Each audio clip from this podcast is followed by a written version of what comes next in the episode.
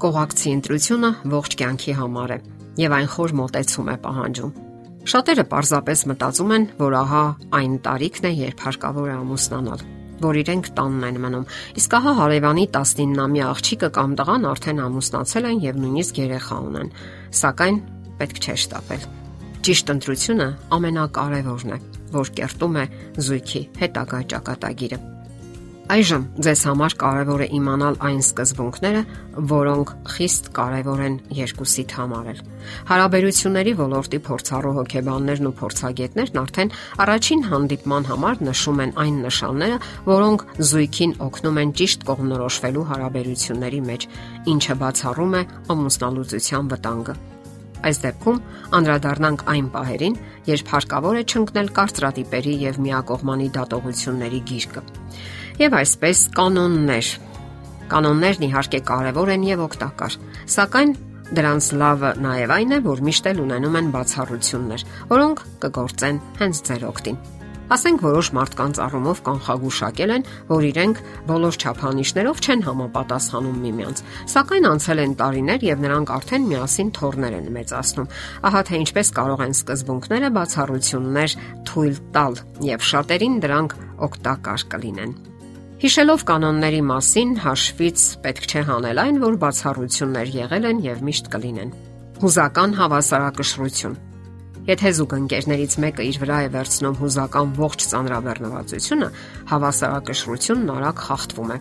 իսկ դա իր հերթին փոխում է հարաբերությունների զարգացման դինամիկան։ Հարաբերությունները ջանքեր ու խնամք են պահանջում։ Հարկավոր է ջրել, կտրտել չորացած հատվածները, ոգել մոլախոտերը կամ սնունդ մատակարարել։ Այնպես է պատահում, որ կողմերից մեկն անընդհատ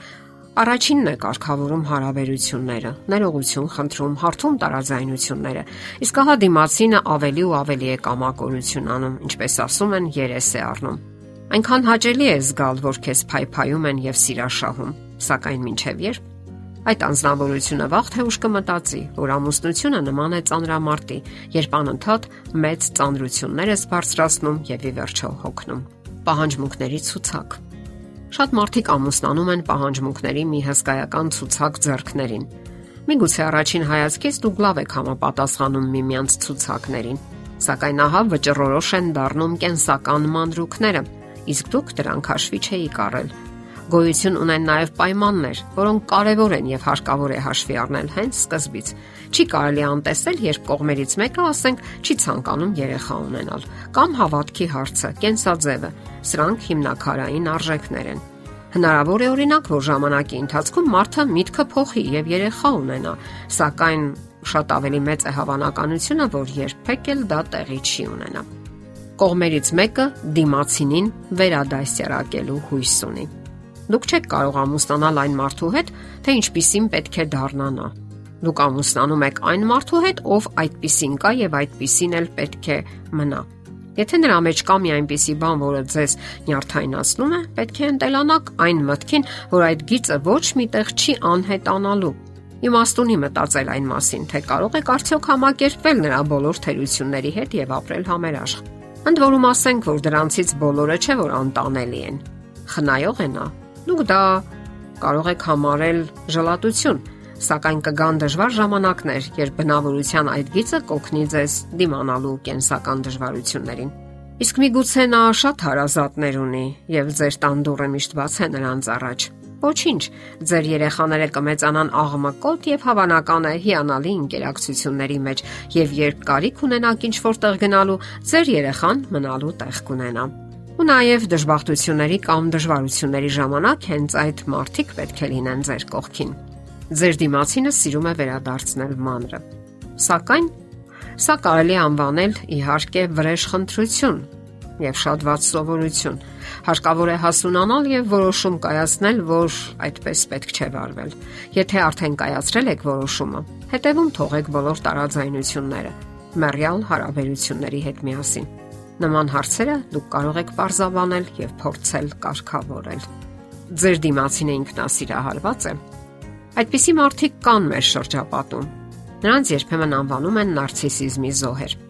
Այսպիսի մարդիկ շատ բարդ են հարաբերություններ կառուցում։ Նրանք այնքան են կլանված իրենցով, որ պարզապես մոռանում են համակրանքի եւ սիրո ցույցեր անել դիմացինին։ Սակայն համակրանքն ու կարեկցանքը ամուսնու հանդեպ երկարատև ու հաջողակ ամուսնության ամենակարևոր բաղկացուցիչներից է։ Ձեր դիմացինը երբեք չի խոսում դրամների մասին։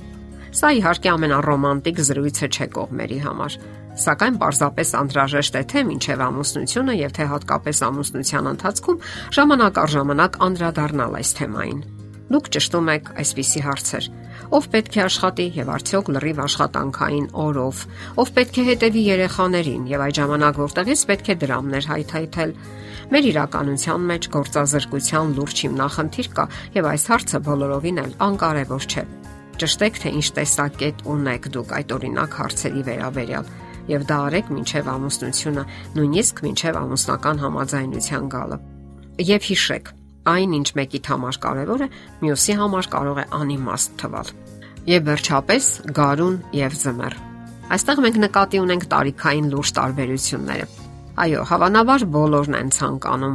օր ծերության իրենց կողքին տեսնել թարմ ու դեռափթիթ անznավորության։ Սակայն դրանք սովորաբար երկար կյանք չունեն այդպիսի հարաբերությունները։ Բացառություններ իհարկե լինում են, սակայն վստահ եք, որ հենց դուք եք այդ բացառությունը։